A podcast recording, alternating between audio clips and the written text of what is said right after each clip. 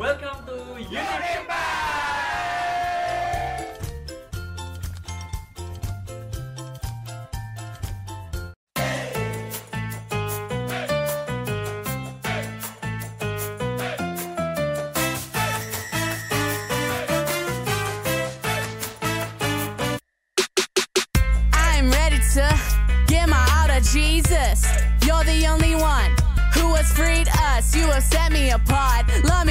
the start. I give you all that I am, I give you all of my heart. I ain't got no shame, I ain't got no pain, cause you took it all away, yeah, you took it all away. So I'm going all in, you got me now. I'ma give you all the praise, I'ma shout it out. You are so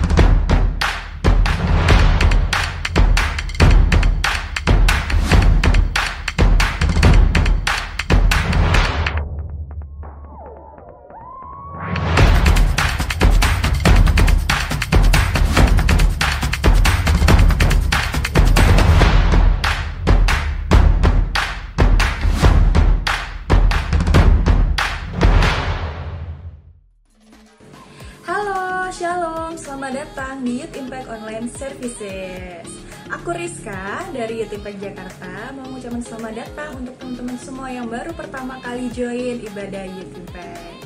Nah, teman-teman apa kabar nih hari ini? Everything is okay ya? Pastinya dong, karena kita memiliki Tuhan yang luar biasa, Tuhan Yesus Kristus.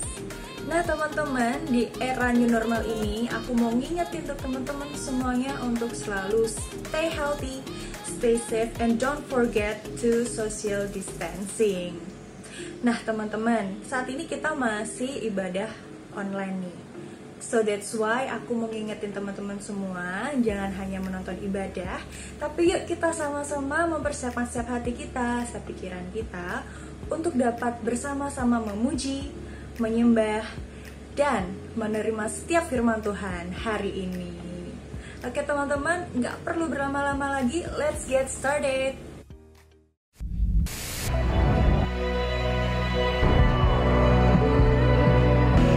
Kalau hari ini kita bisa terima tubuh dan darah Kristus Jumlahnya, memujinya harus berapi-api. Dengerin firmannya harus berapi-api. Amin.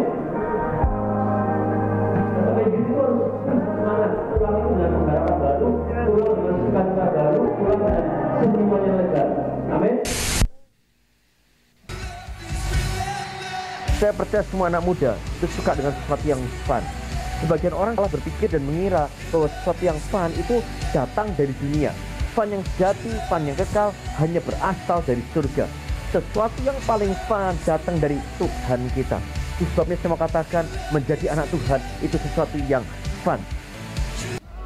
Ya saya berdoa supaya Youth Impact menjadi tempat terhangat di seantero kota ini. Kita berkata kasih kebanyakan orang di akhir zaman akan jadi dingin. Tapi saya percaya itu tidak berlaku di tempat ini, tidak berlaku di Youth Impact.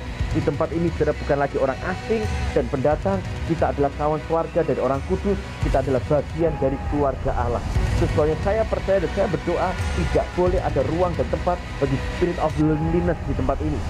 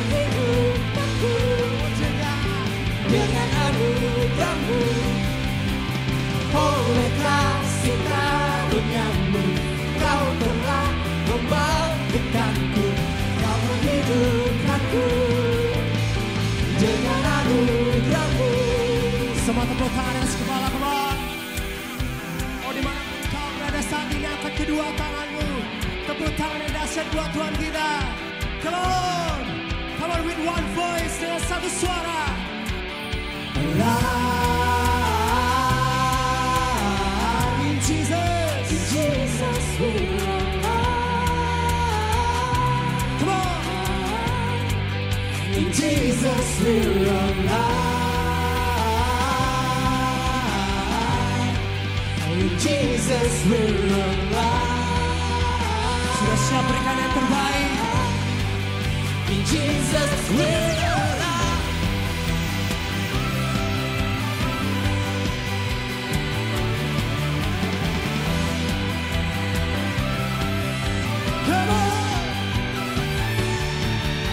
Sungguh besar kasihmu.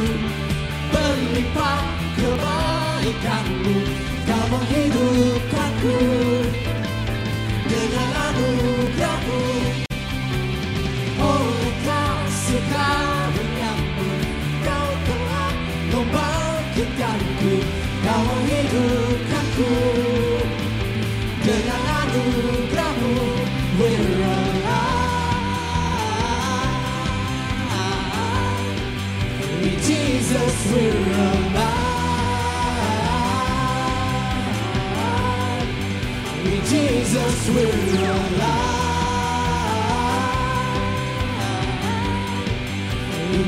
Jesus, we're alive.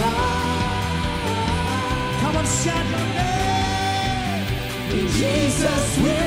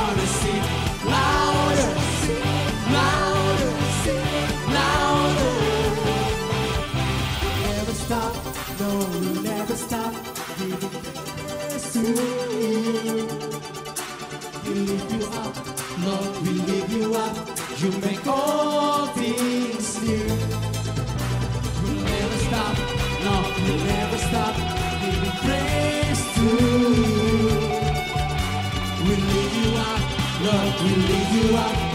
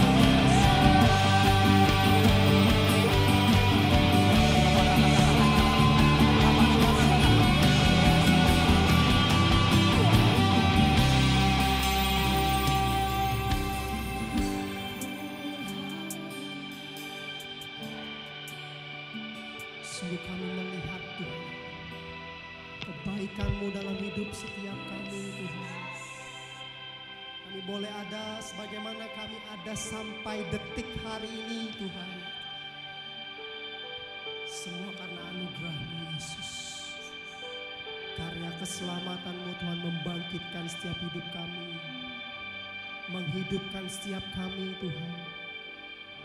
Oh kami yang gak layak ini Tuhan tapi kau layakkan Yesus. Terima kasih Tuhan.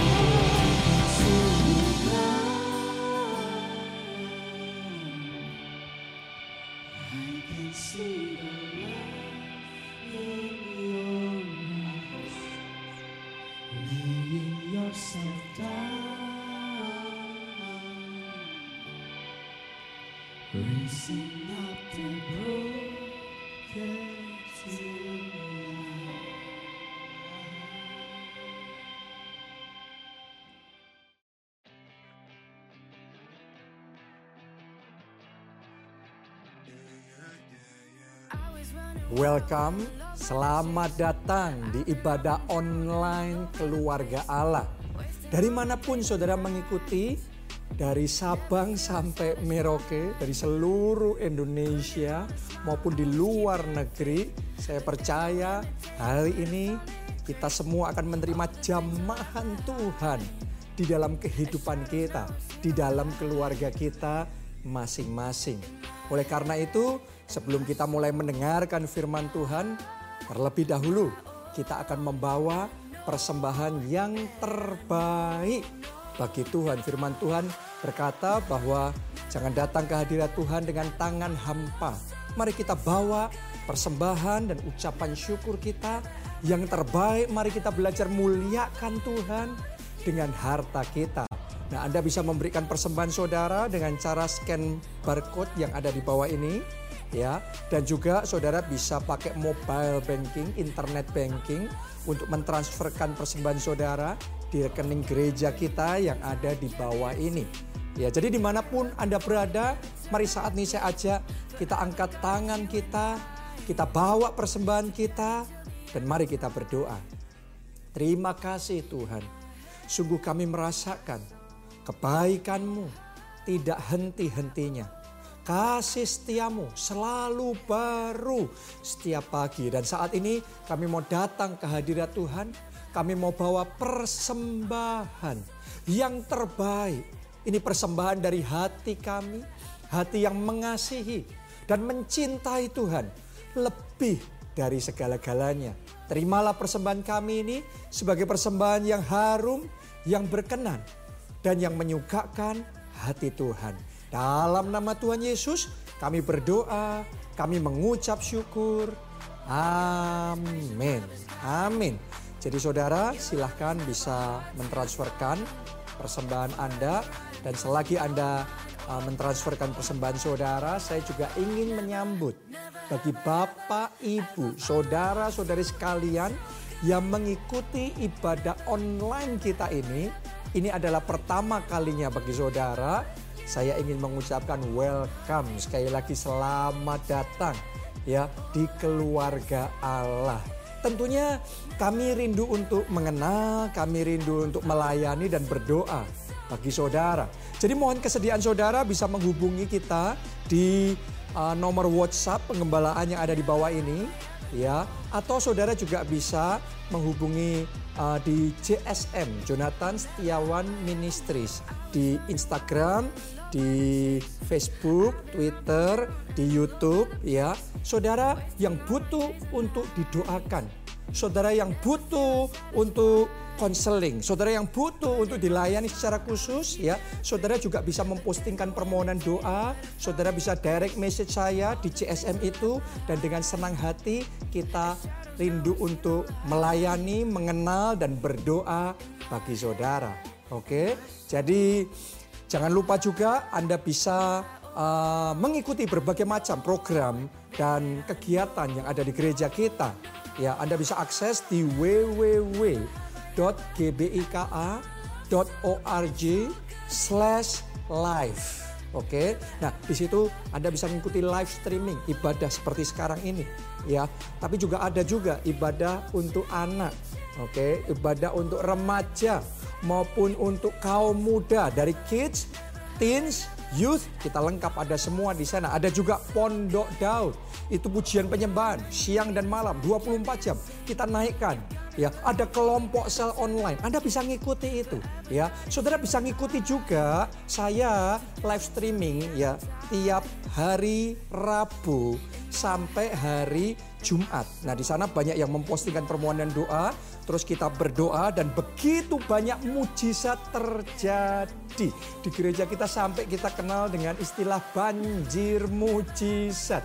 Karena begitu masif mujizat kesembuhan, mujizat pemulihan keluarga, mujizat keuangan, jawaban-jawaban doa Tuhan nyatakan di tengah-tengah kita. Jadi Anda bisa ikuti itu. Buat Anda yang pelayan Tuhan, jangan lupa setiap hari Selasa ya saudara mengikuti pemuritan online juga ya. Jadi kita ini full dari Selasa pemuritan online ya, Rabu sampai Jumat ada doa bareng Pastor Joe, Anda bisa ngikuti di JSM. Sabtu Minggu kita ibadah online. Oke, puji nama Tuhan. Nah, saat ini mari kita persiapkan diri kita untuk kita menerima firman Tuhan. Mari kita berdoa. Terima kasih Tuhan. Terima kasih karena kami rasakan kehadiranmu. Memang kami saat ini terpisah secara tempat, secara jasmani. Tapi kami tahu kami satu dalam roh. Kami satu di dalam kasih. Dan saat ini kami rindu untuk menerima firman-Mu. Urapi setiap perkataan yang keluar dari mulut ini. Sungguh-sungguh perkataan yang dipenuhi kuasa Tuhan. Untuk menjamah dan membawa pemulihan terjadi dalam hidup kami. Terima kasih Tuhan, kami berdoa dan kami mengucap syukur. Amin. Shalom Friends of God sekalian, Shalom Youth Impact, Shalom Teens Impact sekalian, teman-teman sekalian. Hari ini akan jadi hari yang luar biasa karena kita pasti akan diberkati oleh firman Tuhan yang sudah Tuhan berikan untuk setiap kita. Nah teman-teman sekalian tentunya aku, aku mau sekali lagi menyapa teman-teman ya dari Jogja, dari Solo, dari Jakarta, dari Bandung, Semarang, Madiun, Purwokerto, ya Klaten, bahkan kota-kota yang lain termasuk Nias, ya Magelang, Wonosari dan lain sebagainya. Ya kita senang sekali kita sangat diberkati lewat ibadah online ini. Dan mari kita sama-sama berdoa supaya kita tidak lama lagi ya kita terus berdoa dan kita persiapkan perjuangkan supaya kita bisa kembali membuka ibadah offline kita. Tetapi selama kita masih diizinkan Tuhan online, nggak masalah. Mari kita sama-sama buka hati, kita percaya Tuhan akan sangat-sangat memberkati setiap kita. Nah hari ini juga sangat luar biasa spesial. Kenapa? Karena uh, Agung minta izin kepada Pastor Jonathan ya uh, untuk bisa menyampaikan satu pesan firman Tuhan yang tidak sama dengan ibadah umum. Ya, tentunya tidak akan melenceng dari kegeraan tentang keluarga, tentang uh, hidup ya sukses dalam keluarga, dalam rumah tangga tentunya. Tapi aku mau perlengkapi teman-teman dari sisi yang lain. Ya, aku percaya firman Tuhan hari ini boleh jadi berkat buat setiap kita. Amin. Ya, saya percaya di mana pun kalian berada, semuanya antusias dan semuanya pasti akan sangat diberkati. Bahkan aku berdoa supaya firman Tuhan hari ini sungguh-sungguh bisa membangkitkan kalian. Ya, firman Tuhan hari ini ini akan menyentuh hidup kalian. Firman Tuhan hari ini ini akan jadi satu uh, satu hal yang luar biasa yang akan menyalakan hidup kalian. Ya ibaratnya kayak ruangan, misalnya ruangan uh, syuting ini ya tadinya gelap, tapi ada saklarnya. Ketika saklar itu kecil, tapi ketika itu disentuh, maka yang tadinya off jadi on. Kau berdoa supaya firman Tuhan hari ini bisa membuat hidup kalian on. Firman Tuhan hari ini bisa sungguh-sungguh membangkitkan setiap kalian. Karena uh, pun juga berdoa, bergumul Tuhan kira-kira apa yang harus uh, saya sampaikan buat teman-teman, buat buat rekan-rekan youth maupun teens Tuhan. Dan saya bergumul. Dan jujur aja itu sebenarnya nggak mudah teman-teman ya. Selama berapa hari bahkan sekian minggu ya. Ku Agung terus persiapkan Tuhan kira-kira mau bicara apa. Kira-kira apa yang pas, apa yang tepat. Bukan sekedar khotbah yang biasa, bukan sekedar khotbah yang standar, asal ada khotbah, tapi saya berdoa supaya ada rema.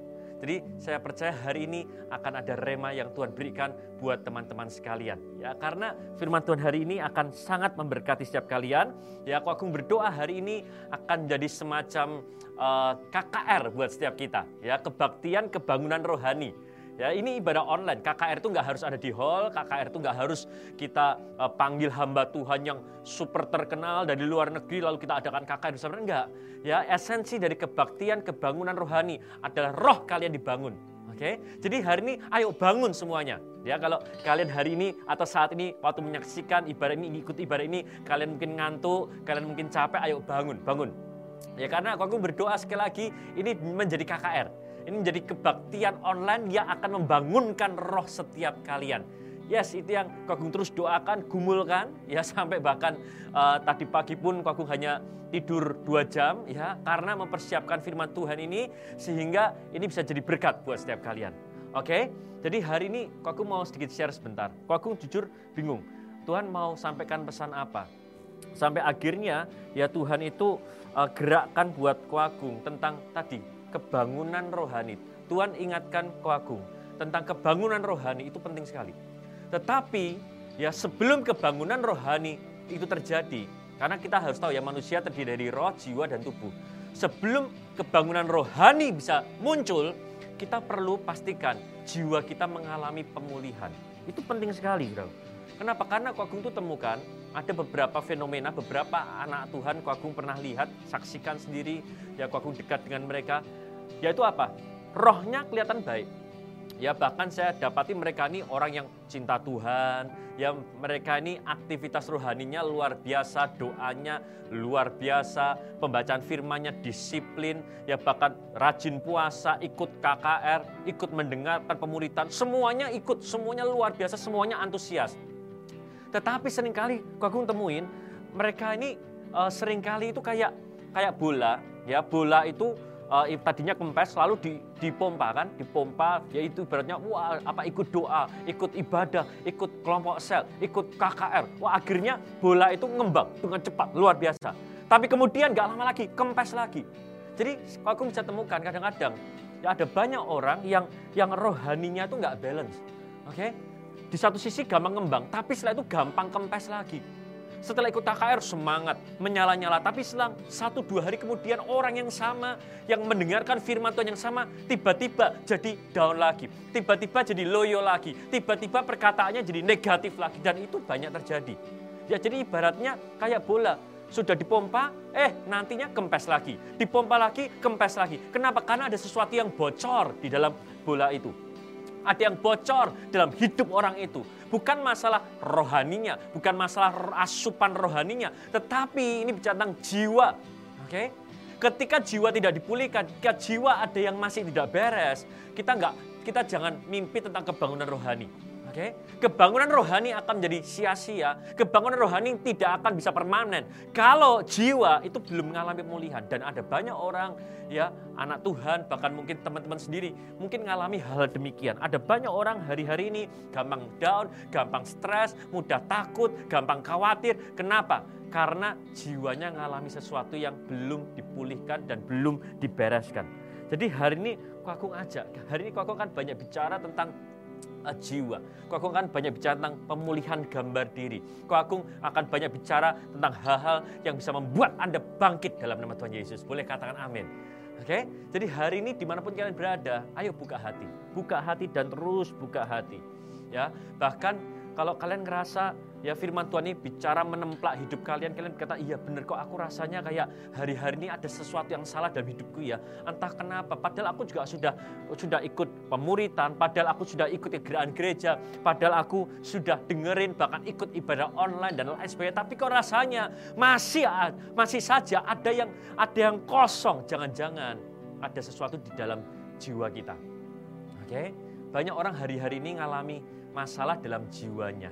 Ya, masalah jiwa itu bukan berarti terus kita bayangannya waduh gangguan jiwa di rumah sakit jiwa, terus kita ketawa-ketawa sendiri di di jalan. Nah, itu itu kalau sudah tingkat yang parah tentunya, oke? Okay? Tapi kalau kita boleh jujur sama diri setiap kita, setiap kita ini punya masalah di dalam jiwa kita. Ya, kok Agung pun juga masih terus bergumul ya uh, masalah jiwa, masalah kepercayaan diri, masalah gambar diri. Ko Agung tuh orangnya sering kali Ko Agung ceritakan orangnya minder, tadinya minder, waduh sangat pemalu, nggak berani bicara. Seolah-olah kayak orang kalau kenal Ko Agung rasanya Ko Agung sombong. Bukan gitu, tapi ada juga sisi kehidupan lama Ko Agung. Ko Agung itu sangat minder, sangat pemalu. Ko Agung itu orang yang nggak pede ngeliat fotonya Ko Agung sendiri. Oke, okay? Berapa banyak teman-teman sukanya kalau foto selfie atau foto rame-rame langsung kalian lihat. Dan yang kalian lihat biasanya foto kalian kan? Nah kalau aku agung ya begitu foto segala macam kok aku nggak mau lihat fotonya kok kenapa? Karena nggak pede. Karena nggak percaya diri. Ya bahkan dulu juga sempat ini kalau kita bicara tentang tentang uh, bahkan ini ya aku agung tahu nggak? Nggak pernah dengar dan melihat apa namanya uh, khotbahnya aku agung sendiri. Ya oke? Okay? baru kali ini waktu waktu ibadah online baru aku agung itu setiap minggunya mendengarkan dan melihat Kuagung khotbah sendiri di, di, di laptop, di TV, di smartphone dan lain sebagainya. Sebelumnya nggak pernah. Kenapa? Karena rasanya nggak percaya diri. Rasanya kayak aduh malu. Karena rasanya kayak minder. Zaman dulu juga aku sama orangnya penakut. Ah, Waktu masih kecil disuruh apa-apa takut, disuruh apa-apa nggak nggak nggak pede. Aduh rasanya kecil, nggak kecil, hatinya kecil.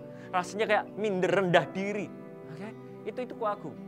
Bahkan kuagung juga jujur aja, zaman waktu kuagung remaja, kuagung tuh orangnya apa namanya gampang khawatir entah apa istilahnya ya OCD apa pun saya eh, nggak nggak ngerti kok Agung ya.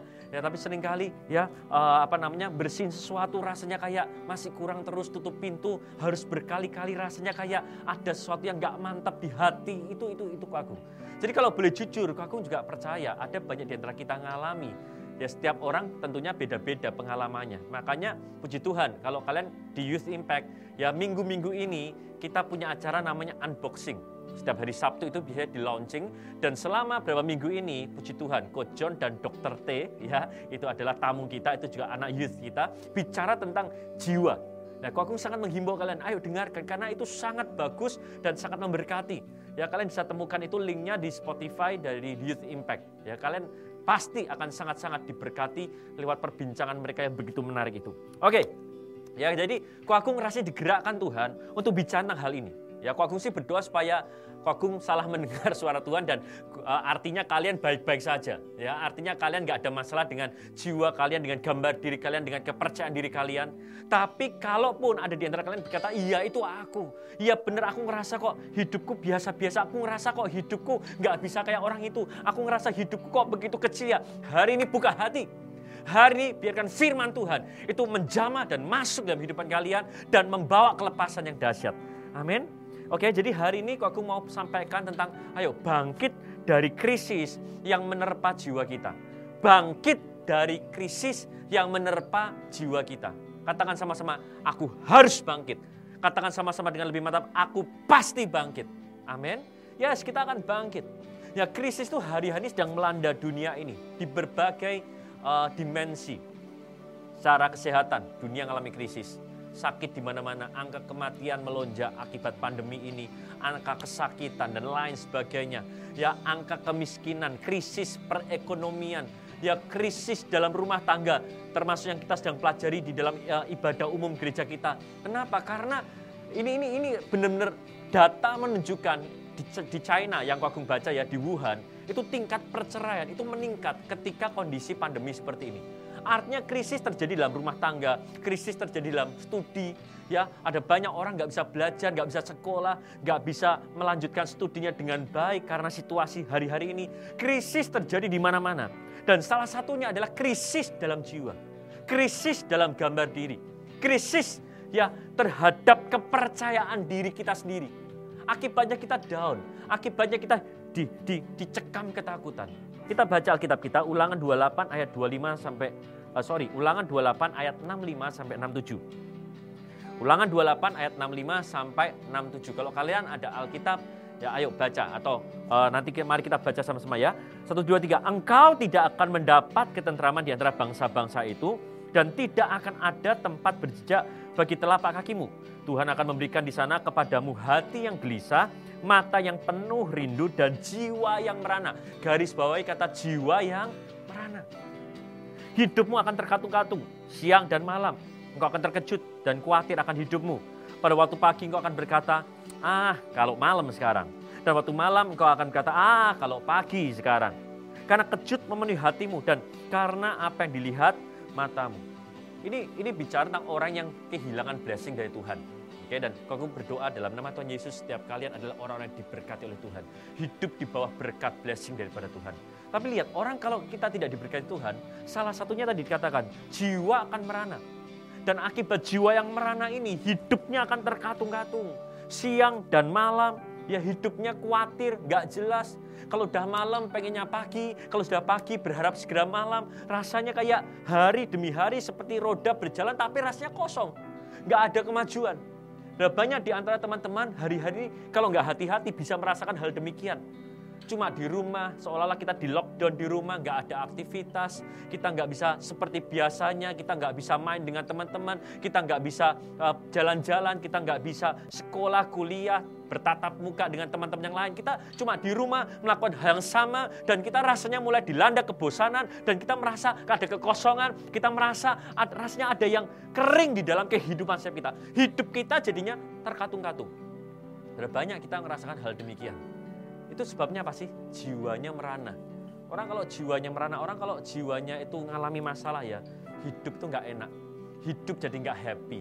Hidup tuh hari harusnya ya, setiap hari jiwa kita bersuka cita. Setiap hari kita melihat ada peluang. Setiap hari kita melihat itu kesempatan kita beraktivitas. Setiap hari kita bisa melakukan hal-hal yang berguna. Kita, setiap hari kita hidupnya produktif. Tapi kalau jiwa kita merana, akibatnya semuanya jadi serba salah. Oke? Okay?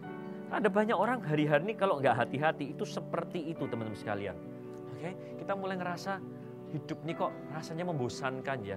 Kok hidup ini rasanya berat ya. Udahlah aku rasanya pengen pengen mengakhiri semuanya. Rasanya pengen aduh kalau bisa nggak usah bangun dan lain sebagainya. Hari ini stop berpikir negatif dan buka hati dengarkan firman Tuhan. Katakan amin. Oke?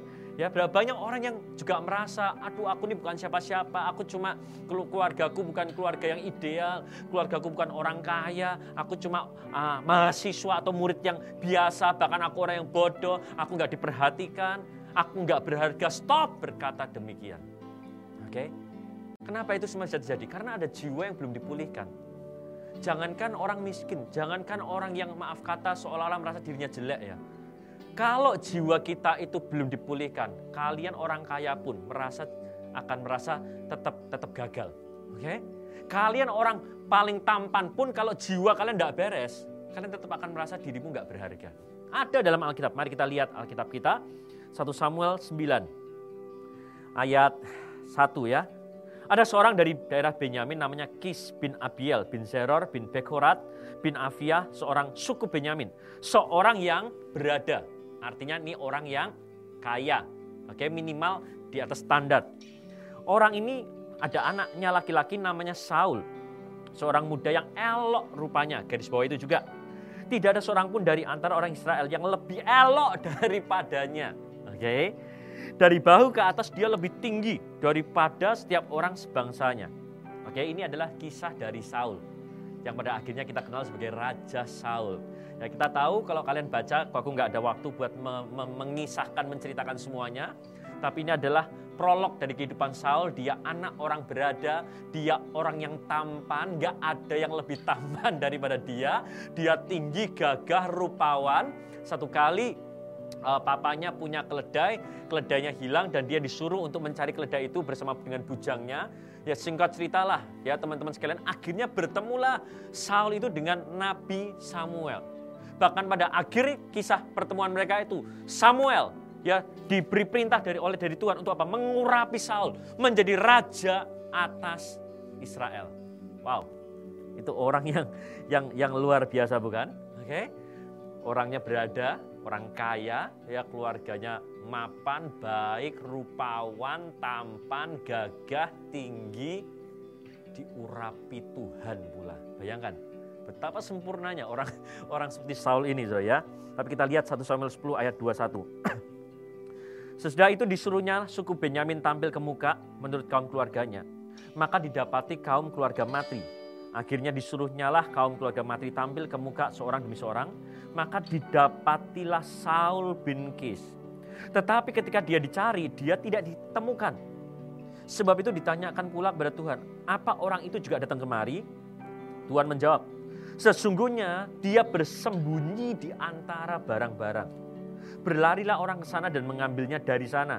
Ketika dia berdiri di tengah-tengah orang-orang sebangsanya, ternyata ia dari bahu ke atas lebih tinggi daripada setiap orang sebangsanya. Saul orang yang luar biasa. Dia punya modal itu lengkap. Gak semua orang seberuntung dia. Anak orang kaya berada, tampan, rupawan, tinggi, gagah, plus diurapi oleh Tuhan lewat Nabi Samuel loh. Teman melihat ketika akhirnya pemilihan raja itu diadakan, undian itu apa dibuat Tuhan akhirnya jatuh ke tangan Saul. Orang cari Saul, loh mana Saul? Mana Saul? Kok nggak ada? Harusnya Saul nongol, harusnya Saul kelihatan, tapi di mana dia? Dan banyak kita seperti Saul, kita sembunyi. Saul itu sembunyi. Kenapa? Karena dia merasa minder, dia merasa nggak percaya diri, dia merasa nggak cukup, nggak cukup luar biasa untuk terpilih. Dia badannya tinggi besar, hatinya kecil ciut, tidak bernyali.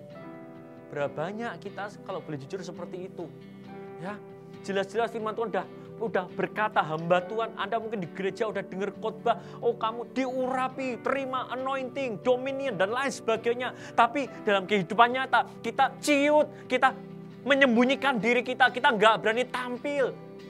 Kita merasa diri kita gagal. Berapa banyak orang seperti itu, teman-teman sekalian, kalau kita boleh jujur. Oke?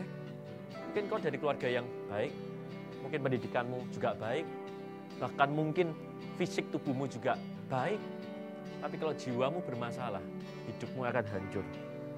Ada virus dalam kehidupan kita lebih parah daripada COVID-19, Corona, dan lain sebagainya. Namanya virus yang mengancam gambar diri kita. Virus yang menggerogoti gambar diri, kepercayaan diri, dan gambaran ilahi yang Tuhan berikan di dalam kehidupan kita. Dan itu jauh lebih mengerikan.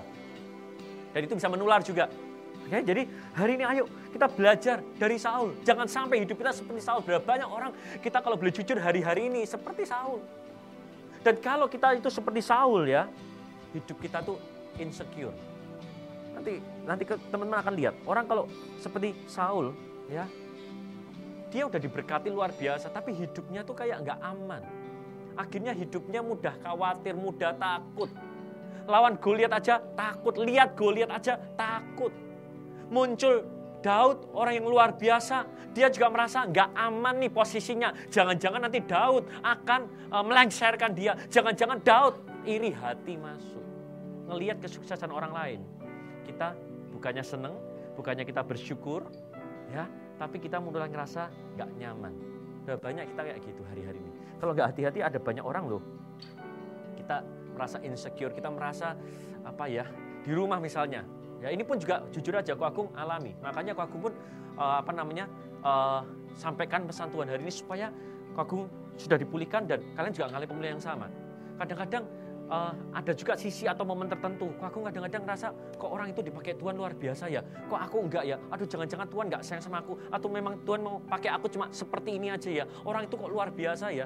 Misalnya waktu pandemi ini kita semua harus online Oke, okay? kemudian apa kita, aku juga harus uh, mau nggak mau harus mencoba untuk online, untuk mencoba live IG dan lain sebagainya. Oke, okay? tapi begitu dilihat, aduh, kok yang yang ikut yang ikut dalam acara ini kok cuma segelintir orang ya, kok cuma belasan orang, sedangkan orang atau hamba Tuhan yang lain, ya itu kok kalau dia live IG, waduh yang lihat bisa ratusan, bahkan ada yang sampai ribuan, waduh luar biasa, sedangkan aku ini kecil banget, mulai insecure, mulai kayak ngerasa kehilangan damai sejahtera, mulai ngerasa mengasihani diri sendiri. Ya akhirnya itu semua kalau kalian terus apa namanya izinkan masuk dalam hidup kalian, hidup kalian nggak akan tambah produktif, hidup kalian akan tambah lemah. Yes, jujur aja aku, aku pernah di fase ngalami itu. Duh kok rasanya begini ya.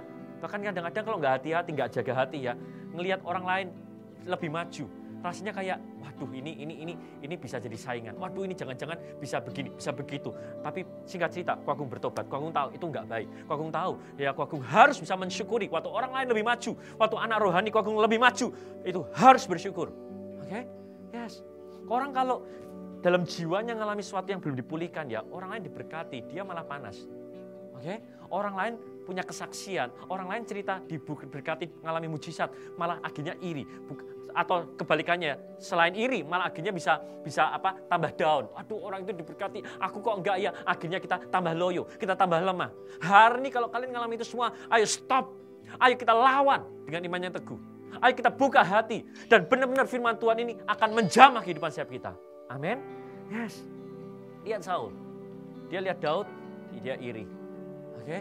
Dia lihat Goliat dia akhirnya ketakutan ya dia jadi orang yang apa ya dia raja, tapi dia nggak punya kekuatan seperti apa. Karena ada sesuatu dalam jiwanya belum beres, belum dipulihkan. Dia tidur aja, kita ngomong dia dikelilingi oleh tentara-tentaranya. Nah, kenapa? Karena dia ngerasa insecure, dia ngerasa hidupnya tuh nggak aman. Oke?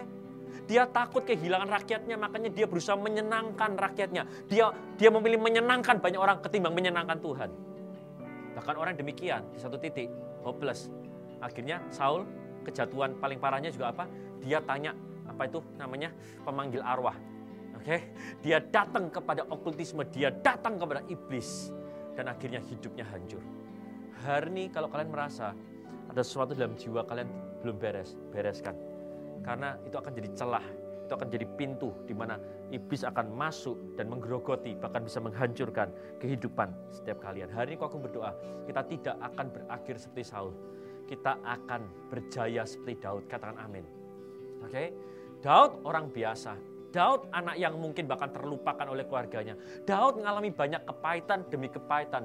Ya mertuanya mau mau bunuh dia, dia mau di di di apa ditangkap, dia mau diperlakukan nggak adil dan lain sebagainya. Tapi dia nggak kepahitan. Dia bisa bereskan jiwanya, dia datang kepada Tuhan. Dan akhirnya pemulihan itu terjadi dengan luar biasa. Dan dia diberkati sampai seumur hidupnya. Kok aku berdoa, nasib teman-teman ya, kalian dan ku aku bukan seperti Saul.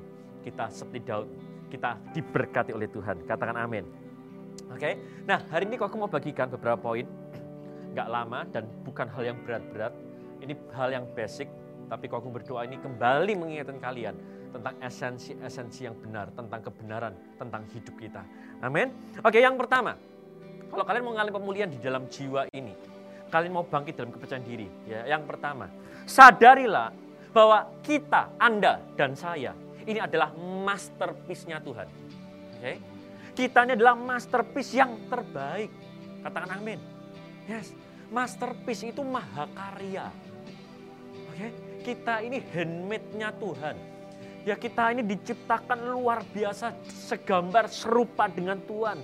Ya kita ngomong kita ini ditenun di dalam kandungan ibu kita. Ditenun itu artinya Tuhan itu benar-benar secara spesial merancang Anda dan merancang saya. Kita bukan pabrikan. Oke, pabrik ya punya apa namanya sudah punya standarnya, sudah punya cetakannya, tapi Anda dan saya itu nggak ada cetakannya. Kenapa? Karena kita ini handmade by God, kita dibuat oleh tangan Tuhan. Amin. Karena kenapa? Karena kita ini masterpiece. Tuhan nggak mau ya kita itu dibuat dengan cetakan. Tuhan buat satu persatu dengan detil. Itu sebabnya hari ini sadarilah bahwa kita ini adalah mahakarya Tuhan yang luar biasa. Amin. Jadi seperti apa pun kalian, coba kalian bahkan lihat tubuh kalian kalau ada kaca, kalau ada cermin, ada handphone, coba kalian lihat sebentar ya bahwa hidup kita ini makarya. Percayalah bahwa semua yang Tuhan izinkan melekat dari atas sampai bawah ini ini adalah mahakaryanya Tuhan. Ya, ada beberapa orang termasuk istrinya Pak Agung sendiri Cilina ngomong itu hidungnya aneh. Oh ini mahakarya nih, ini bikinnya susah di bagian sini. Ya, kenapa? Karena karena Tuhan menciptakan dengan spesial dan luar biasa. Yang Ko Agung percaya gini, kalian percaya atau tidak, ini yang jadi prinsip dan kepercayaan Ko Agung. Setiap orang, kalau diizinkan Tuhan lahir di dunia, pasti itu adalah sebuah masterpiece. Oke? Okay? Ada dua jenis perusahaan. Perusahaan abal-abal, perusahaan apa ini? Bodong, perusahaan yang sembarangan, sama perusahaan yang apa istilahnya? Bonafit. Ya, yang memang berkualitas. Oke? Okay? Kalau perusahaan yang sekedar asal sembarangan, mereka ini nggak terlalu memikirkan tentang produk. Udah yang penting malah buat apalah seadanya. Yang penting dilepas di pasaran, dijual, apa namanya dapat uang, ya terserah mau dibeli, saya itu rusaknya kapan, terserah itu udah urusannya mereka. Jadi kayak lepas tanggung jawab, nggak peduli sama kualitas. Tapi perusahaan yang bonafit, perusahaan yang memang multinasional, yang global, adalah perusahaan-perusahaan yang mereka punya yang namanya QC mereka nggak akan menciptakan produk sembarangan, mereka nggak akan me melepaskan produk di pasaran itu sembarangan. Setiap produk yang keluar dari pabrik mereka itu lulus dari quality control. Oke? Okay? Semua produk-produk yang di launching mereka itu mahakarya buat mereka. Buat orang buat perusahaan apa global yang memang bonafit lebih baik nggak nggak nyiptain sesuatu ya daripada nyiptain sesuatu tapi sembarangan. Oke? Okay? Itu sebabnya mereka lebih milih, lebih baik tahan, nggak usah apa perusahaan yang lain kan berlomba-lomba dikit-dikit apa ciptakan suatu pokoknya uh, menjamur gitu. Sedangkan perusahaan-perusahaan tertentu mereka mungkin setahun cuma sekali, bahkan beberapa tahun cuma sekali, tapi yang dilepas itu benar-benar yang masterpiece. Dan kok aku mau katakan bahwa yang namanya kerajaan surga itu pasti adalah kalau aku boleh apa uh, analogikan dengan perusahaan lo ya. Aku percaya kita semua sepakat kerajaan Allah bukanlah perusahaan yang abal-abal. Kerajaan Allah itu perusahaan yang super duper bahkan sangat bonafit. Oke? Okay? Artinya apa yang di launching oleh surga ke dunia ini, percayalah itu yang terbaik. Boleh katakan amin. Jadi kalau kalian ada di dunia ini, kalau kalian diizinkan di launching Tuhan, ada lahir di dunia ini, nggak peduli atau seperti apa keadaan keluarga atau apa pun kalian percayalah bahwa kalian ini adalah yang terbaik. Produk terbaik masterpiece mahakarya yang terbaik. Oh boleh katakan amin yes. Percayalah percayalah. Semua barang yang diproduksi itu mahakarya. Contohnya oke? Okay? nggak tahu kalian bisa lihat nggak? Apa ini? Ini sisir. Sisir murah yang ada di hotel, kadang-kadang orang merasa nggak butuh ditinggal. Oke? Okay? Buat sebagian orang mungkin sisir ini nggak ada harganya. Buat sebagian orang sisir ini seolah nggak penting. Tapi tahu nggak? Sisir ini tidak lahir atau muncul bim salah bim gitu aja. Sisir ini pun ada yang ciptakan. Oke? Okay? Anda nggak peduli sama sisir ini, tapi minimal ada satu orang yang peduli akan sisir ini, yaitu orang yang membuat. Oke? Okay? Coba kalian lihat, nggak tahu kelihatan atau enggak ya. Oke, okay? sisir ini ada berapa? Ada berapa ininya? Kalian mungkin nggak kepikiran, tapi saya yakin orang yang membuat perusahaan, pabrik yang membuat ngerti ini jumlahnya berapa. Okay? Alkitab katakan rambut kita dihitung oleh Tuhan. Siapa yang ya siapa yang kurang kerjaan ngitung rambut kita seperti siapa yang kurang kerjaan ngitung ini berapa? Satu, dua, tiga, empat, lima, enam, tujuh. Tapi buat orang yang menciptakan ini ya mah mahakarya. Anda mungkin nggak butuh, tapi buat sebagian orang, ketika mereka nggak temukan sisir, mereka bisa kebingungan. Mau berangkat kerja, mau berangkat ngantor, apalagi mau meeting nih. Waduh, sisirnya mana? Anda mungkin merasa nggak berharga saat ini. Tapi percayalah, tiba saatnya nanti Anda akan dicari orang. Dunia akan kebingungan kalau Anda nggak ada. Oke? Percayalah, Tuhan itu punya punya maksud dan tujuan Barang semurah ini pun diciptakan dengan maksud dan tujuan apalagi Anda. Kata amin, teman-teman sekalian. Saya bicara ini buat anak youth maupun teens, kalian yang remaja, sadari Tuhan punya rencana menciptakan kalian. Kalian kita ini nggak diciptakan cuma buat menumunin bumi, bukan cuma untuk meng menghabiskan oksigen dan memperbanyak CO2. No, no, kita diciptakan untuk mengisi dunia ini untuk tujuan yang mulia. Boleh katakan amin. Jadi hari ayo sadari, yes, percaya, percaya hidup kita tuh berharga.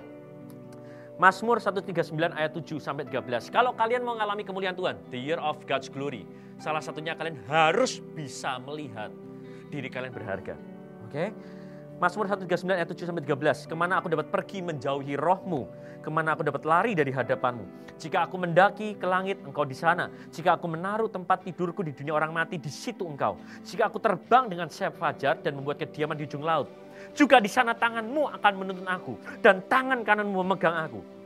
Perhatikan, jika aku berkata, biarlah kegelapan saja melingkupi aku dan terang sekelilingku menjadi malam, maka kegelapan pun tidak menggelapkan bagimu dan malam menjadi terang seperti siang, kegelapan sama seperti terang. Oh, aku berdoa, gelapan jadi terang. Tapi rahasianya ada di ayat berikutnya, ayat 13. Sebab engkaulah yang membuat buah pinggangku menenun aku dalam kandungan ibuku. Aku bersyukur kepadamu. Oleh karena kejadianku dahsyat dan ajaib. Ajaib yang kau buat dan jiwaku benar-benar menyadarinya. Yes. Kok aku sadar kalau kalian mau Yesaya 60 tergenapi, bangkit dan kemudian terang kemuliaan Tuhan tampak terbit atasmu. Salah satunya Anda harus bisa bersyukur akan hidupmu. Amin. Maka kegelapan akan jadi terang. Firman Tuhan katakan. Ketika apa? Ketika engkau menyadari bahwa Tuhan itu membentuk, menenun, membuat kita begitu spesial. Aku bersyukur karena kejadianku dahsyat dan ajaib. Dikatakan dalam Alkitab bahasa Inggris, I, for I am fearfully and wonderfully made. Aku ini diciptakan nggak sembarangan. Aku diciptakan dengan spesial, dengan begitu hati-hati, dengan begitu detil, dengan begitu luar biasa. Karena itu aku berdoa, karena harus sadari itu. Sadari bahwa kita ini masterpiece, kita ini produk ajaib yang kau buat. Amin. Di mana pun kalian berada katakan, aku produk yang ajaib. Amin. Karena itu yang pertama, bersyukur pada Tuhan yang menciptakan kita. Haleluya. Karena dia menciptakan kita gak sembarangan. Fearfully and wonderfully made. Oke. Okay? Yang kedua, nggak cuma bersyukur kepada Tuhan, tapi bersyukur untuk orang tua kita. Seperti apa pun keadaan mereka. Oke. Okay? Bersyukur. Kenapa? Karena anda yang tadi berkata, aku ajaib. Tahu nggak bahwa Anda bisa diciptakan ajaib. Itu butuh orang tua kalian bahan untuk menciptakan Anda supaya jadi ajaib itu. Untuk menciptakan Anda yang supaya bisa ajaib itu, Tuhan harus keliling seluruh dunia. Dan bahannya dari dari dari miliaran orang hanya ada di dalam tubuh dua insan, dua pribadi. Yaitu papa dan mama Anda. Untuk menciptakan Anda yang ajaib itu, Tuhan membutuhkan sel telur mama Anda dan sel sperma papa kita. Oke, nggak ada yang lain. Begitu luput, misalnya bukan sel sperma papa kita, tetapi sel sperma tetangga kita, nggak akan jadi kalian. Jadi kalian bisa diciptakan begitu ajaib itu butuh. Yes, coba bayangkan orang tua kalian, bayangkan papa mama kalian. Tuhan butuh mereka. Tapi papaku jahat, tapi papaku suka pukul. Itu terserah, tapi Tuhan butuh mereka untuk menjadikan Anda ajaib. Oke? Okay? Itu sebabnya mari belajar bersyukur. Ada satu makanan di dunia ini salah satu yang termahal namanya caviar almas. Itu apa namanya telur ikan begitu mahal sekali. Itu dijual satu kilo di dalam kaleng emas 24 karat. Harganya 300 juta. Tapi kok aku mau ngomong, sel telur mama Anda, kita, itu jauh lebih mahal. Cuma ada satu untuk menciptakan Anda jadi ajaib. Jadi hari ini terlepas dari kelakuan, keadaan orang tua kita mungkin gak seideal yang kelihatannya Tuhan punya rencana. Maliaki itu ngomong gini loh. Untuk apa per, per, per apa uh, Maliaki 2:15 apa yang digendaki kesatuan itu yaitu keturunan ilahi. Sadar atau enggak? Kalian itu keturunan ilahi. Oke? Okay? Papa mama kalian diizinkan disatukan Tuhan untuk satu tujuan, melahirkan Anda keturunan ilahi itu. Jadi hari lihat Anda, lihat dirimu sendiri sebagai pribadi yang spesial, pribadi yang luar biasa. Yang kedua, ya karena ini waktunya sangat cepat sekali kalau cepat. Yang kedua Tuhan menciptakan, sadari bahwa Tuhan menciptakan Anda dan saya itu untuk sukses. Tuhan tidak menciptakan kita buat gagal, Tuhan tidak senang kalau Anda hancur hidupnya. Ada banyak ayat dalam Alkitab misalnya Yeremia 29:11 ayat yang terkenal. Oke? Okay? Ya, aku tahu rancangan apa yang ada padaku menaik kamu, yaitu rancangan damai sejahtera, bukan rancangan kecelakaan. Untuk memberikan padamu hari depan yang penuh dengan harapan. Roma 8 ayat 28, super duper terkenal. Oke. Kita tahu sekarang Allah turut bekerja dalam segala sesuatu mendatangkan kebaikan. Amin. 1 Petrus 3 ayat 9. Hendaklah kamu berkati, karena untuk itulah kamu dipanggil, yaitu untuk memperoleh berkat. Oke, semuanya untuk masa depan yang penuh harapan, untuk kebaikan, untuk diberkati. Tuhan menciptakan Anda dan saya itu untuk diberkati, untuk sukses. Amin. Makanya jauhkan kata-kata atau pikiran terkutuk Anda yang berkata Tuhan itu kok jahat ya. Tuhan kok mau hidupku menderita ya. No, itu iblis yang tanamkan pikiran itu dalam pikiran Anda. Tuhan mau Anda sukses. Kenapa? Karena tadi kan kita sama-sama analogikan. Seandainya Tuhan kerajaan surga itu seperti perusahaan super bonafit. Perusahaan mana yang mau produknya itu gagal di pasaran. Oke? Okay? Semua perusahaan menciptakan produk dan di launching di publik, di umum, di pasar. Untuk apa? Sukses. Percayalah, Tuhan mau Anda itu sukses. Oke? Okay? Karena kalau sampai produk gagal, produknya jelek, maka yang jadi taruhannya itu adalah nama baik perusahaan. Oke? Okay? Kalau Anda gagal, kalau kita gagal, maka reputasi surga akan tercoreng. Itu sebabnya Tuhan mau Anda sukses. Tuhan mau Anda berhasil. Masih ingat nggak tahun berapa itu? 2016 kalau nggak salah. ya. Anda yang mungkin pecinta pecinta smartphone Samsung Galaxy Note 7. Wah, di launching keren. Tiba-tiba ada insiden terbakar, baterainya terbakar. Wah, akhirnya itu jadi satu pukulan berat ya. Benar-benar di apa? nyaris nyaris bangkrut juga sama saat itu Samsung goyah. Kenapa? Karena produknya gagal semuanya. Nggak akan ada perusahaan yang mau produknya gagal. Apalagi Tuhan. Tuhan ciptakan Anda dan saya untuk menjadi lebih dari menang, untuk menjadi orang berhasil, untuk jadi orang sukses. Amin. Jadi hanya percayalah, Tuhan itu mau kita berhasil. Tuhan gak akan tinggalkan kalian. Tuhan gak akan tinggalkan kita. Tuhan bersama dengan kita. Dan dia akan membawa kita menuju kemenangan yang luar biasa. Semuanya katakan amin. Yang terakhir. Oke, sadari. Karena Tuhan mau Anda sukses. Saya ulangi ya, karena Tuhan mau Anda sukses. Maka Tuhan itu sudah membekali sesuatu dalam hidup Anda supaya bisa sukses. Oke, tadi di poin berikutnya, eh, di poin sebelumnya, Pak Gung katakan Tuhan mau Anda sukses sadari itu. Nah, karena Tuhan mau kita sukses, maka Tuhan sudah dalam hidup Anda ini sudah dibekali oleh benih kesuksesan. Amin. Yes, jadi hari sadar potensi besar itu sudah ada dalam hidup kalian. Misalnya, misalnya lah, saya sebut merek nggak apa-apa ya, uh, dibayar juga kok. Misalnya tadi handphone, Samsung segala macam, oke? Okay?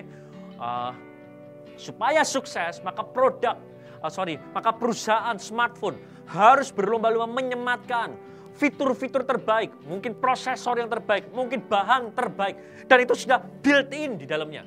Kamera terbaik, semua terbaik, ada di dalamnya supaya? Supaya sukses. Tuhan mau Anda sukses itu sebabnya sadar atau enggak. Di dalam hidupmu ini Tuhan sudah menaruh fitur-fitur. Tuhan sudah menaruh banyak hal yang akan membawa kita semua. Kalau kalian bisa sadar itu akan membawa kita pada kesuksesan yang luar biasa. Amin. Yes. Yohanes 15 ayat 16. Bukan kamu yang memilih aku. Tetapi aku yang memilih kamu. Aku, menet, aku telah menetapkan kamu supaya kau pergi dan menghasilkan buah dan buahmu itu tetap. Supaya apa yang kau minta kepada Bapa dalam nama aku diberikannya kepadamu. Amin. Tuhan menyuruh kita untuk pergi dan menghasilkan buah. Tuhan menyuruh kita berbuah. Tuhan menyuruh hidup kita produktif. Menghasilkan produk Tuhan mau kita berbuah. Dan kalau Tuhan menyuruh kita berbuah, kenapa Tuhan menyuruh kita berbuah? Sederhana, karena dia sudah tahu dalam hidup kita ada benih. Amin. Ya itu saya rasa itu itu sangat logika sekali. Ya, nggak masuk akal kalau Tuhan nggak ngasih apa pada hidup kita, terus Tuhan nyuruh kita, ayo kamu berbuah. Itu namanya Tuhan jahat. Dan saya tahu Tuhan bukan Tuhan yang jahat, dia Bapak yang baik. Kalau Tuhan menyuruh kita pergi, hasilkan buah. Kenapa dia ngomong demikian? Karena dia sang pencipta kita tahu persis apa yang sudah dia sematkan dalam kehidupan kita. Itu gift, itu potensi, itulah talenta. Itu adalah sesuatu yang spesial yang Tuhan berikan dalam hidup kalian. Amin. Sayangnya kadang-kadang kita belum menyadari fitur spesial dalam hidup kita. Kenapa? Zona nyaman salah satunya. Ada banyak hal tapi kok aku nggak sempat banyak bagikan banyak hal tapi salah satunya yang membuat fitur spesial dalam hidupmu gift atau talenta ya bakat terpendam dalam hidupmu nggak pernah muncul adalah kenyamanan. Kenyamanan itu akan mematikan. Itu sebabnya tentunya kita bukannya minta krisis, tapi di satu sisi kita harus bersyukur buat krisis. Kenapa? Karena saya percaya salah satunya ya krisis akan dipakai Tuhan untuk memunculkan fitur-fitur yang luar biasa dalam hidup kalian. Oke? Okay? Beberapa smartphone jadi mahal kenapa? Karena kartanya dibekali dengan apa namanya? tahan air. Tapi untuk bisa itu terjadi ya harus dicelupin dalam air. Baru ngerti bahwa itu fitur yang mahal itu itu. Oke? Okay? Kadang-kadang potensi terbaik itu justru muncul di tengah krisis kemarin uh, waktu anak Wagung ulang tahun, Faro, ya Wagung beliin uh, mainan lama sih, konsol lama, ya uh, Nintendo Wii, ya Nintendo Wii. Lalu kita main game favorit itu Mario Bros, oke? Okay? Dan uh, aku lihat ya ini mainan sih menarik ya. Aku dari kecil zaman SD dulu juga apa main juga dan sekarang senang sekali bisa main sama anak Bagung gitu kan. Dan aku belajar gini. Ini Mario Bros itu apa ya? Itu menarik. Dan hebat juga di, di Nintendo Wii yang kali ini nih ada banyak fitur-fitur, ada banyak hal-hal yang bisa Mario ini lakukan. Gak cuma jalan, gak cuma lari, tapi bisa begini, bisa begitu, bisa luar biasa. Tapi fitur-fitur itu baru muncul atau baru kau ketahui justru waktu kau agung menghadapi apa ya stage atau level-level yang susah. Kalau levelnya cuma level-level gampang, ya kok aku nggak sadar bahwa itu ada di dalam dirinya Mario.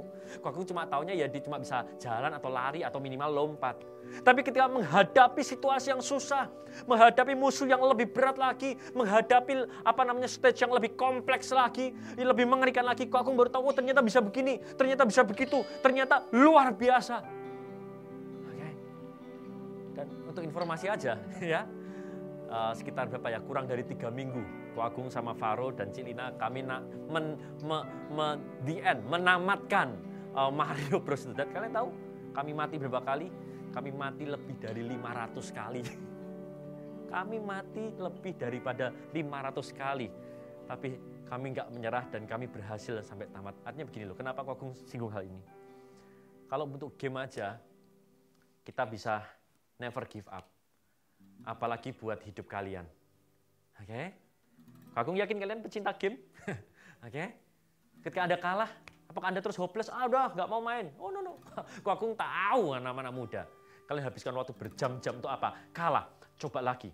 Kalah, coba lagi. Kenapa kalian terus coba dan nggak menyerah? Karena kalian tahu ini ini ini ini game. Kakung, kalian tahu bahwa nggak mungkin nggak bisa di, dimenangkan. Oke, okay? itu sebabnya sekalipun kalian jatuh, sekalipun kalian kalah, kalian mencoba lagi. Di satu sisi, aku tahu hidup bukan game, jangan coba-coba. Oke, okay? Mario mati 500 kali masih bisa main lagi. Hidup kita nyawanya cuma satu. So, jangan main-main dengan hidup ini. Please, teman-teman sekalian. Jangan sia-siakan waktu kalian. Jangan sia-siakan potensi bakat kalian. Tetapi percayalah, hidup ini ini sudah dirancang Tuhan untuk mendatangkan kemenangan buat setiap kalian. Amin. Tuhan sini ngomong kok, pencobaan-pencobaan yang kamu alami itu pencobaan biasa. Artinya tuh Tuhan sudah tahu kok. Engkau bisa melaluinya. Oke, jadi katakan aku bisa. Amin. Jangan katakan aku nggak bisa, aku nggak bisa mengampuni dia, aku nggak bisa melupakan, aku nggak bisa move on. No, no. Katakan aku bisa. Apalagi kita tidak sendirian. Kita bersama dengan Tuhan. Amin. Mazmur 139 16 matamu melihat selagi aku bakal anak. Dan dalam kitabmu semuanya tertulis hari-hari akan dibentuk. Artinya setiap hari-hari kita ini sudah di, dirancang Tuhan. Yeremia juga sama, Yeremia 1 ayat 5. Sebelum aku membentuk engkau dalam rahim ibumu, aku telah mengenal engkau. Dan sebelum kau keluar dari kandungan, aku telah menguduskan kau. Aku telah menetapkan kau menjadi nabi bagi bangsa-bangsa. Tuhan tahu Yeremia. Yeremia dan Yeremia awalnya sempat ngomong, Tuhan aku nggak bisa. Tuhan ngomong, jangan ngomong demikian. Aku kenal engkau. Aku yang menciptakan, aku yang menenun, aku yang menyematkan fitur-fitur itu dalam hidupmu. Dan aku tahu engkau punya panggilan hidup sebagai nabi Tuhan yang luar biasa. Dan Tuhan berkata, jangan ngomong nggak bisa. Berkatalah bisa Hari ini aku katakan, kalau kalian merasa minder, kalian merasa hancur hati, kalian merasa kalian bukan siapa-siapa, hari ini stop berpikir demikian. Ingat, kalian adalah masterpiece-nya Tuhan. Ingat bahwa Tuhan punya rencana yang luar biasa buat kalian. Tuhan itu tahu panggilan, Tuhan tahu persis. Dan berita baiknya, masa depanmu dan masa depanku adalah hari depan yang penuh dengan pengharapan. Di mana pun kalian berada, aku mau aja setiap kita sungguh-sungguh kita mau pakai waktu ini masuk dalam hadirat Tuhan. Kunci dari semuanya ini adalah kalian harus jujur pada diri kalian sendiri, terbuka pada Tuhan. Dan izinkan supaya firman ini masuk dalam kehidupan setiap kalian. Yakobus 1 ayat 21. Buanglah segala sesuatu yang kotor, kejahatan yang begitu banyak itu dan terimalah dengan lemah lembut firman yang tertanam dalam hatimu yang berkuasa menyelamatkan jiwa. Hari ini firman Tuhan sudah aku sampaikan. Tangkap. Tangkap. Responi. Percaya. Karena itu akan menyelamatkan jiwamu. Karena itu akan menyelamatkan hidupmu. Tangkap, terima dengan lemah lembut. Artinya dengan hati terbuka. Jangan dengan keras hati. Dan buang segala yang jahat. Buang semua yang kotor. Buang kebencian. Buang kekecewaan. Buang semua trauma. Yes, sementara firman Tuhan akan kita akhiri, kita akan masuk hadirat Tuhan. Dan kalau kamu berdoa di mana pun kalian berada, hadirat Tuhan akan memampukan Anda untuk kita menyingkirkan semua yang kotor, yang tidak baik, sehingga hidup kita mengalami pemulihan. Saya ajak semuanya berdoa. Kira lama syadara ya rama Oh rama syadara mama ya rama maya. Oh Yesus kami datang Tuhan kami percaya kebaikanmu Tuhan. Oh.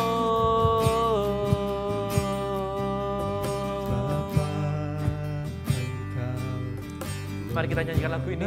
Yes. Lebih dari siapa pun Engkau tahu ceritaku dan isi hatiku Tuhan kenal setiap Anda dan saya.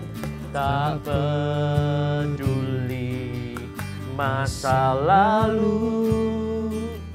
Engkau tetap memilihku.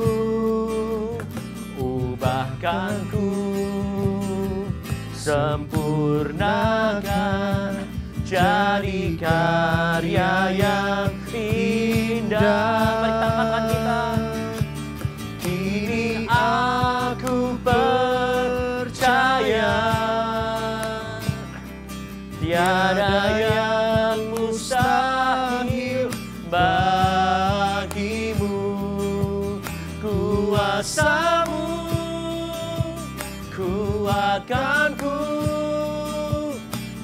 Dasarku berharap.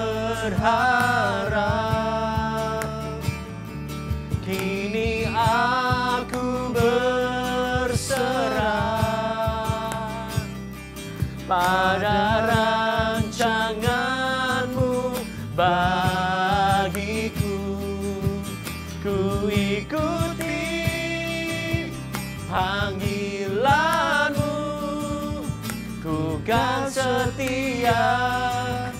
sampai akhir hidupku. Lagu ini berkata Bapak engkau mengenalku lebih dari siapa pun. Engkau tahu ceritaku. Artinya dia juga tahu trauma kita, dia tahu kegagalan kita, dia tahu masa lalu kita yang kelam, dia tahu pacaran kita yang salah di masa lalu, dia tahu kelakuan orang tua kita terhadap diri kita, dia tahu isi hatiku. Tapi lagu ini berkata, gak peduli masa lalu, engkau tetap memilihku. Engkau mengubahkanku, menyempurnakan jadi karya yang indah. Kalau kalian merasa hidup kalian atau jiwa kalian merasa rasanya kayak hancur hati, gambar dirimu rusak, bahkan hidupmu terlanjur kacau, hanya aku mau katakan, masih ada harapan. Masih ada harapan. Satu kali, ini kisah nyata. Ada seorang kaya sekali di Amerika, namanya Steve Wynn. Dia ini punya banyak bisnis, termasuk kasino, termasuk hotel, dan dia juga pecinta seni. Dia membeli satu lukisan yang dibuat oleh Pablo Picasso yang dibuat di tahun kalau nggak salah 1930-an sekian. Harganya kurang lebih dia beli 50 juta dolar, kurang lebih 49 sekian. Oke. Okay? Judul dari karya Picasso itu adalah kalau diartikan dalam bahasa Inggris kan ini bahasa Prancis, bahasa Inggrisnya adalah The Dream. The Dream, satu impian. Dan dia suka sekali dengan karya itu, gambarnya seorang wanita yang sedang bermimpi, sedang merenung di, di, di uh, kursinya. Dan dia pajang itu di, di salah satu hotelnya yang mewah. Dan dia berani bayar mahal karena buat dia itu filosofi hidupnya. Aku dulu orang gagal, tapi aku kemudian berani bermimpi. Dan itu mengubah hidupnya. Jangan berhenti bermimpi. Satu kali, ada seorang kolektor lain yang juga mengincar ini uh, lukisan. Tahu nggak? Ternyata kolektor ini luar biasa. Dia berani menawar kurang lebih 139 juta dolar. Tadi belinya hampir 50 dolar, eh, 50 juta dolar. Sekarang mau dibeli orang 139 uh, 139 juta. Artinya dia untung hampir hampir 90 juta dolar untuk sebuah lukisan. Dia awalnya sempat berat, tapi akhirnya ya karena memang dia seorang bisnismen, ya udah dia dia demi keuntungan itu dia mau jual. Tapi karena dia sayang lukisan ini, dia mau membuat semacam uh, farewell. Dia dia undang teman-teman, dia undang kolega teman-temannya, saudara-saudaranya di di hotel di di tempat dia apa namanya uh, bisnisnya itu teman sekalian. Lalu kemudian lukisan itu dipajang di belakangnya sementara dia buat pesta. Nah, singkat cerita apa yang terjadi? Ketika pesta itu begitu seru, si Steve Wynn ini adalah orang yang punya sedikit kelemahan di mata. Singkat cerita aja lah. Waktu dia lagi berpesta, eh tahu nggak? Tangannya itu kena ke lukisan itu. Merusak kanvas itu. Bahkan membolongi kanvas yang harganya 139 juta dolar itu. Semua orang langsung teriak. Apa-apaan kamu? Kamu menghancurkan 139 juta dolar karya seni itu. Waduh, banyak orang akhirnya waduh. Begitu menyesal. Termasuk dia pun juga begitu menyesal. Tapi singkat ceritalah. Orang berkata, ya udah ini gak ada nilainya. Siapa yang mau beli lukisan ini? Termasuk orang yang tadi mau beli pun akhirnya membatalkan karena ini lukisan sudah rusak, sudah hancur, sudah robek, gak ada harganya. Berapa banyak kalian merasa hidup kalian kayak sudah gak ada harganya, sudah hancur, sudah hancur lebur. Hidupku dirusak oleh keluarga sendiri, hidupku dirusak oleh papaku, hidupku dirusak oleh mantanku, hidupku dirusak oleh dia orang itu menyakiti aku. Tapi singkat ceritalah, Stephen tidak menyerah. Dia berjuang dengan keras sampai akhirnya dia berjumpa dengan seorang dari Eropa disebut sebagai the art surgeon, ahli bedah seni. Dipanggil didatangkan ke Amerika mahal-mahal. Hanya untuk apa? Memulihkan lukisan yang sudah terlanjur rusak itu. Memang itu susah. Memang gak gampang. Tapi hebatnya di tangan orang ini butuh waktu, gak, gak sebentar, gak cuma hitungan minggu. Berbulan-bulan ditangani, dan ini kisah nyata Singkat cerita, sekian lama kemudian, bulan atau mungkin satu tahun kemudian kurang lebih.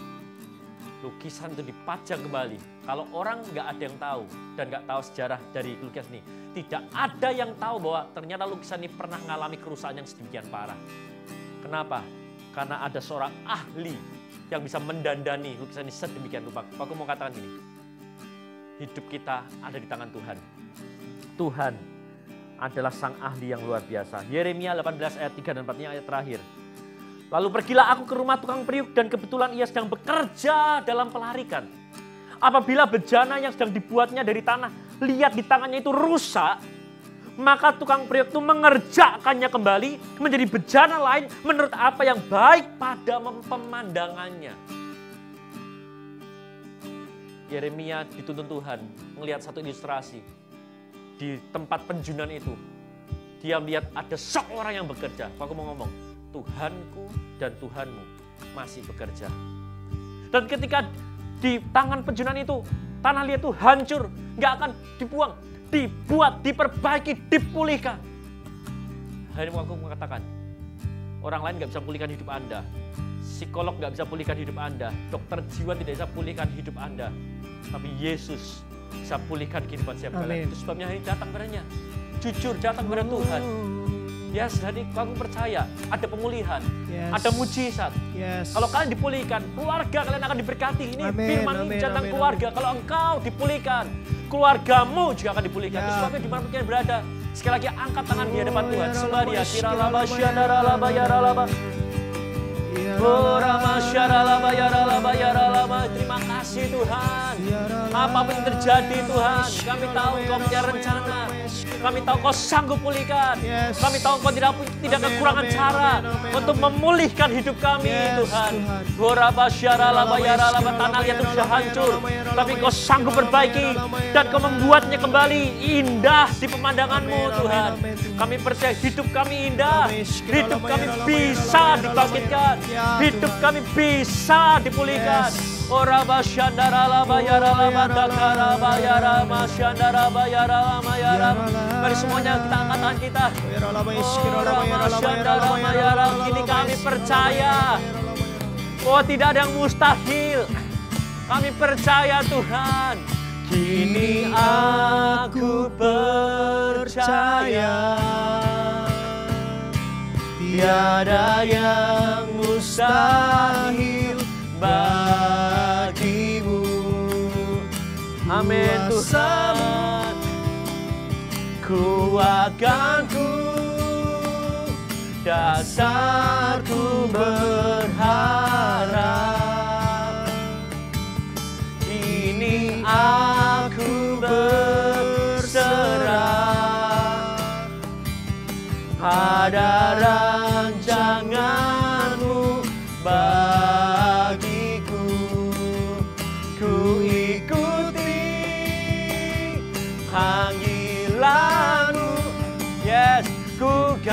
yang terakhir. yes Tuhan ini kami percaya. yes. ku percaya. Tiada yang mustahil. Tiada yang mustahil Amin. Pemulihan itu adalah bagian dalam hidup kami Tuhan. Kuasamu kuatkanku dasarku berharap kini aku berserah. Ada rancanganmu bagiku. Ku ikuti panggilanmu. Ku kan setia sampai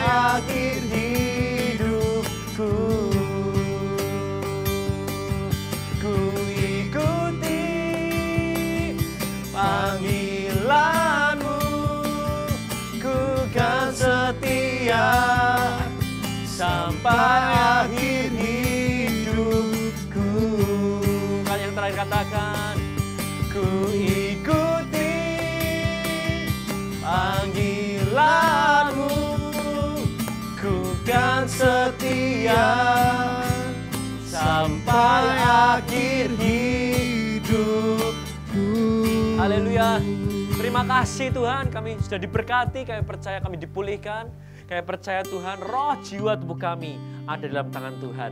Terima kasih, tidak ada yang mustahil bagi Tuhan. Dalam nama Tuhan Yesus kami berdoa dan setiap kita sama-sama katakan, Amin. God bless you all.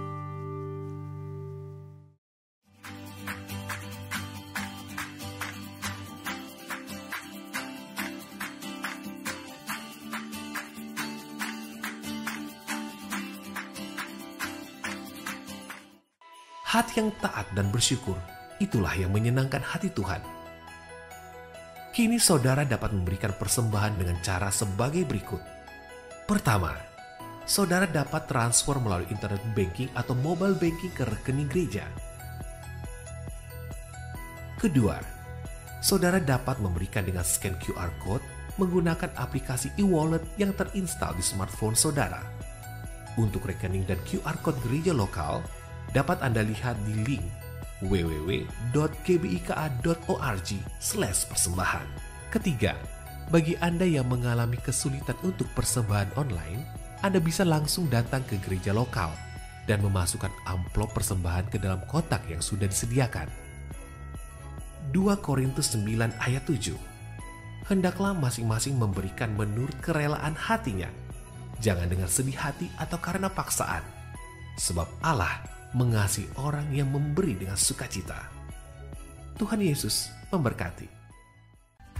Pelatihan KKS Online adalah program pelatihan untuk mencetak KKS keluarga Allah yang berkualitas dan bermultiplikasi tanpa batas sampai bangsa-bangsa melalui media internet atau online. Pelatihan KKS online ini bisa diakses kapan saja, dari mana saja, dan oleh siapa saja dengan jangkauan tanpa batas. Adalah kehendak Bapa bagi kita gerejanya untuk menyiapkan sebanyak mungkin penuai jiwa sehingga tuayan jiwa besar-besaran di akhir zaman sungguh-sungguh bisa dituai secara maksimal. Hubungi Ibu Ayu atau Saudari Maya untuk informasi selengkapnya maupun pendaftaran.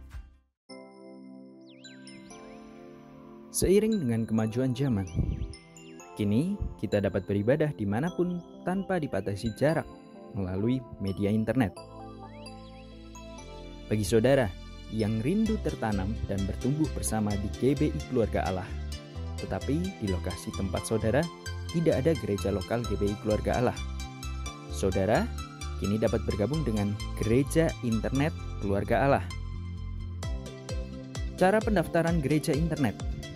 Pertama, klik di gerejainternet.org. Saudara akan mendapat email selamat datang dan akan digabungkan di komunitas online, baik grup, WhatsApp gereja internet, oleh admin. Dengan begitu, saudara sudah terdaftar sebagai jemaat gereja internet keluarga Allah.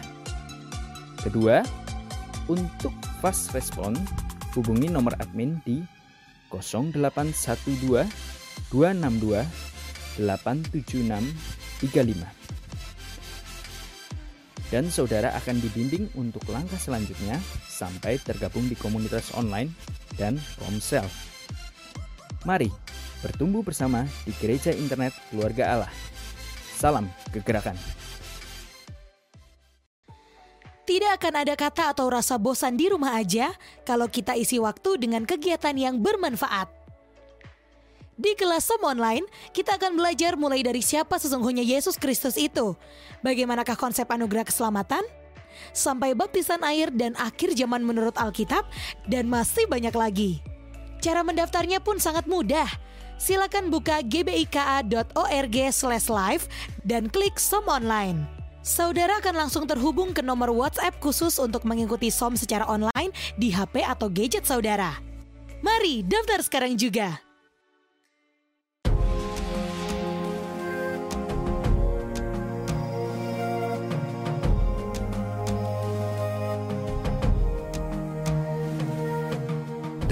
Tidak ada suatu makhluk pun yang tersembunyi di hadapannya, sebab segala sesuatu telanjang dan terbuka di depan mata Dia, yang kepadanya kita harus memberikan pertanggungjawab.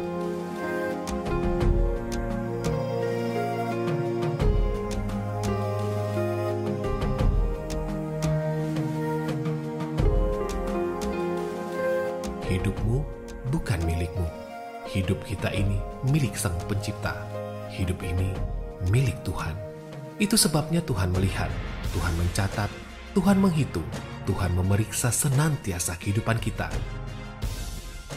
Jangan sampai Tuhan mendapati hidup kita terlalu ringan dan tidak berbobot.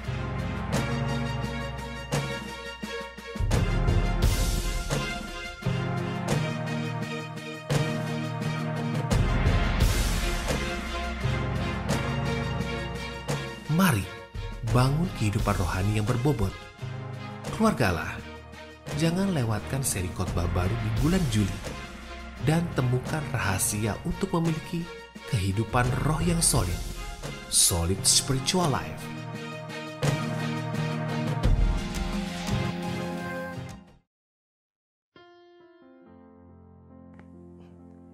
Shalom saudaraku, di awal tahun 2019 gereja kita mendapatkan rema tentang menabur benih profetik. Dan kami sangat antusias untuk terlibat di dalam kegerakan tersebut. Oleh karena itu, kami berdoa kepada Tuhan, minta rema daripada Tuhan seberapa banyak kami harus menaburkan. Dan Tuhan memberikan rema pada kami, yaitu seluruh uang tabungan kami, suraku. Dan ini bukan perkara yang mudah bagi kami, karena uang tabungan itu kami kumpulkan sedikit demi sedikit. Dan tentu ada cerita di dalamnya, saudaraku. Itu yang pertama. Yang kedua, bagi saya sendiri, sebelum bertobat itu orang yang sangat pelit sekali. Dan setelah bertobat, saya itu adalah orang yang sangat hemat, saudaraku. Dan orang di sekitar kami tahu itu. Bahkan ketika saya sampaikan hal ini kepada Pak Jonathan, Pak Jonathan responnya langsung tertawa, terbahak-bahak. Karena apa? Karena Pak Jonathan mengenal saya. Pak Jonathan mengenal saya sebagai orang yang sangat perhitungan di dalam keuangan. Tapi bagaimanapun juga kami tetap taat memberikan taburan profetik itu, benih profetik itu dengan penuh sukacita. Nah, singkat cerita di akhir tahun kami mulai mendapatkan berkat-berkat yang daripada Tuhan. Dan kami tahu ketika Tuhan berkati kami itu berarti saatnya kami juga jadi saluran berkat saudaraku. Oleh karena itu yang pertama kami mengembalikan persepuluhan. Dan setelah itu kami mulai berdoa pada Tuhan. Tuhan tunjukkan kami harus jadi saluran berkat ke mana saja. Dan oleh petunjuk Tuhan itu kami taat. Kami menjadi saluran berkat seperti apa yang Tuhan tunjukkan. Tetapi tidak hanya itu saudaraku. Di akhir tahun itu Tuhan juga berikan rema kepada istri saya.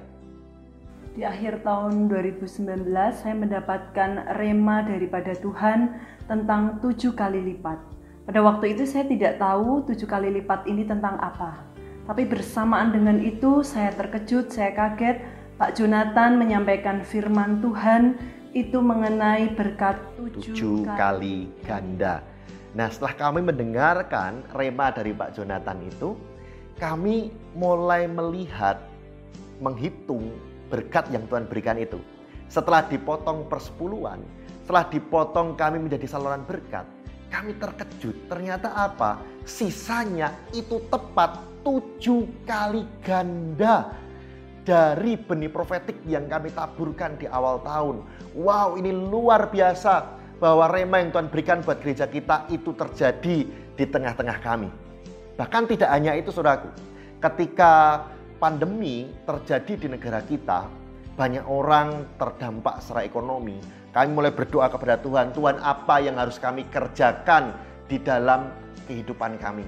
Lalu kami mulai berdoa, Tuhan tunjukkan ada beberapa orang yang Tuhan gerakkan untuk kami jadi saluran berkat bagi mereka.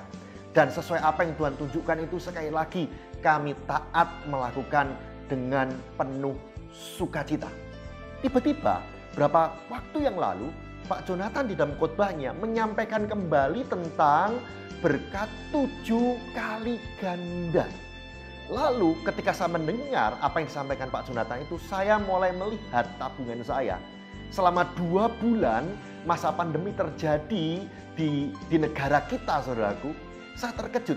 Selama dua bulan kami digerakkan untuk menjadi saluran berkat itu.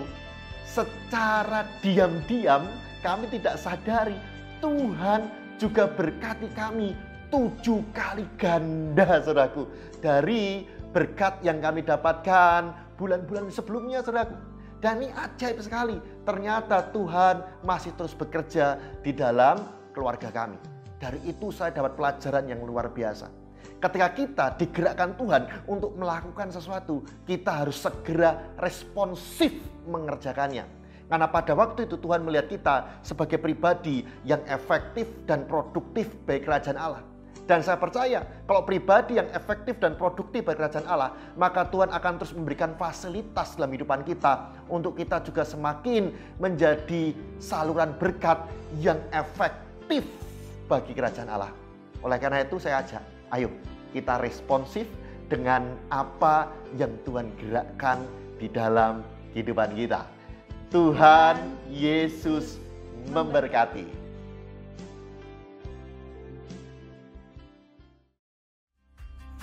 Demikian telah kami sampaikan Revival News minggu ini. Salam kemuliaan Tuhan, Tuhan Yesus memberkati. Puji Tuhan teman-teman sekalian, Kagum percaya kita semua sudah sangat-sangat diberkati lewat firman Tuhan hari ini. Kagum berdoa kalian mengalami pemulihan yang luar biasa. Kalau kalian ada mengalami sesuatu atau kalian rindu untuk didoakan, dilayani lebih lagi, jangan sungkan. Kalian bisa saja hubungi baik uh, Teens Impact maupun Youth Impact, kami siap untuk melayani kalian semua. Dan minggu depan kita juga masih akan melanjutkan kurang lebih uh, firman Tuhan yang hari ini Kagum sampaikan. Minggu depan akan uh, dilayani oleh tentunya seorang hamba Tuhan yang juga luar biasa yang pastinya akan membawa kelepasan pemulihan di dalam kehidupan setiap kalian. Sekarang kita akan akhiri ibadah kita di mana kalian berada. Mari kita angkatan kita dan aminkan doa berkat ini.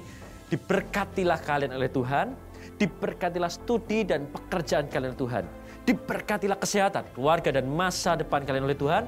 Dan diberkatilah apa pun yang kalian kerjakan dalam Tuhan dibuat Tuhan berhasil. Roh, jiwa, dan tubuh kalian diberkati Tuhan dalam anugerah Allah Bapa. Serta kasih Yesus Kristus dan persekutuan dengan Allah Roh Kudus dari sekarang sampai selama-lamanya. Semuanya katakan amin. Tuhan Yesus memberkati. Halo, jadi bagaimana guys untuk firman Tuhan hari ini? pasnya sama memberkati dan sangat membangun iman kita bukan? Oke okay guys, uh, aku mau mengingatkan untuk teman-teman semua yang belum follow akun Instagram kita, aku mau ingetin, ayo kita follow akun Instagram kita di @youthImpactGKA dan jangan lupa untuk share, like, komen, dan subscribe akun channel YouTube kita di Youth Impact Global.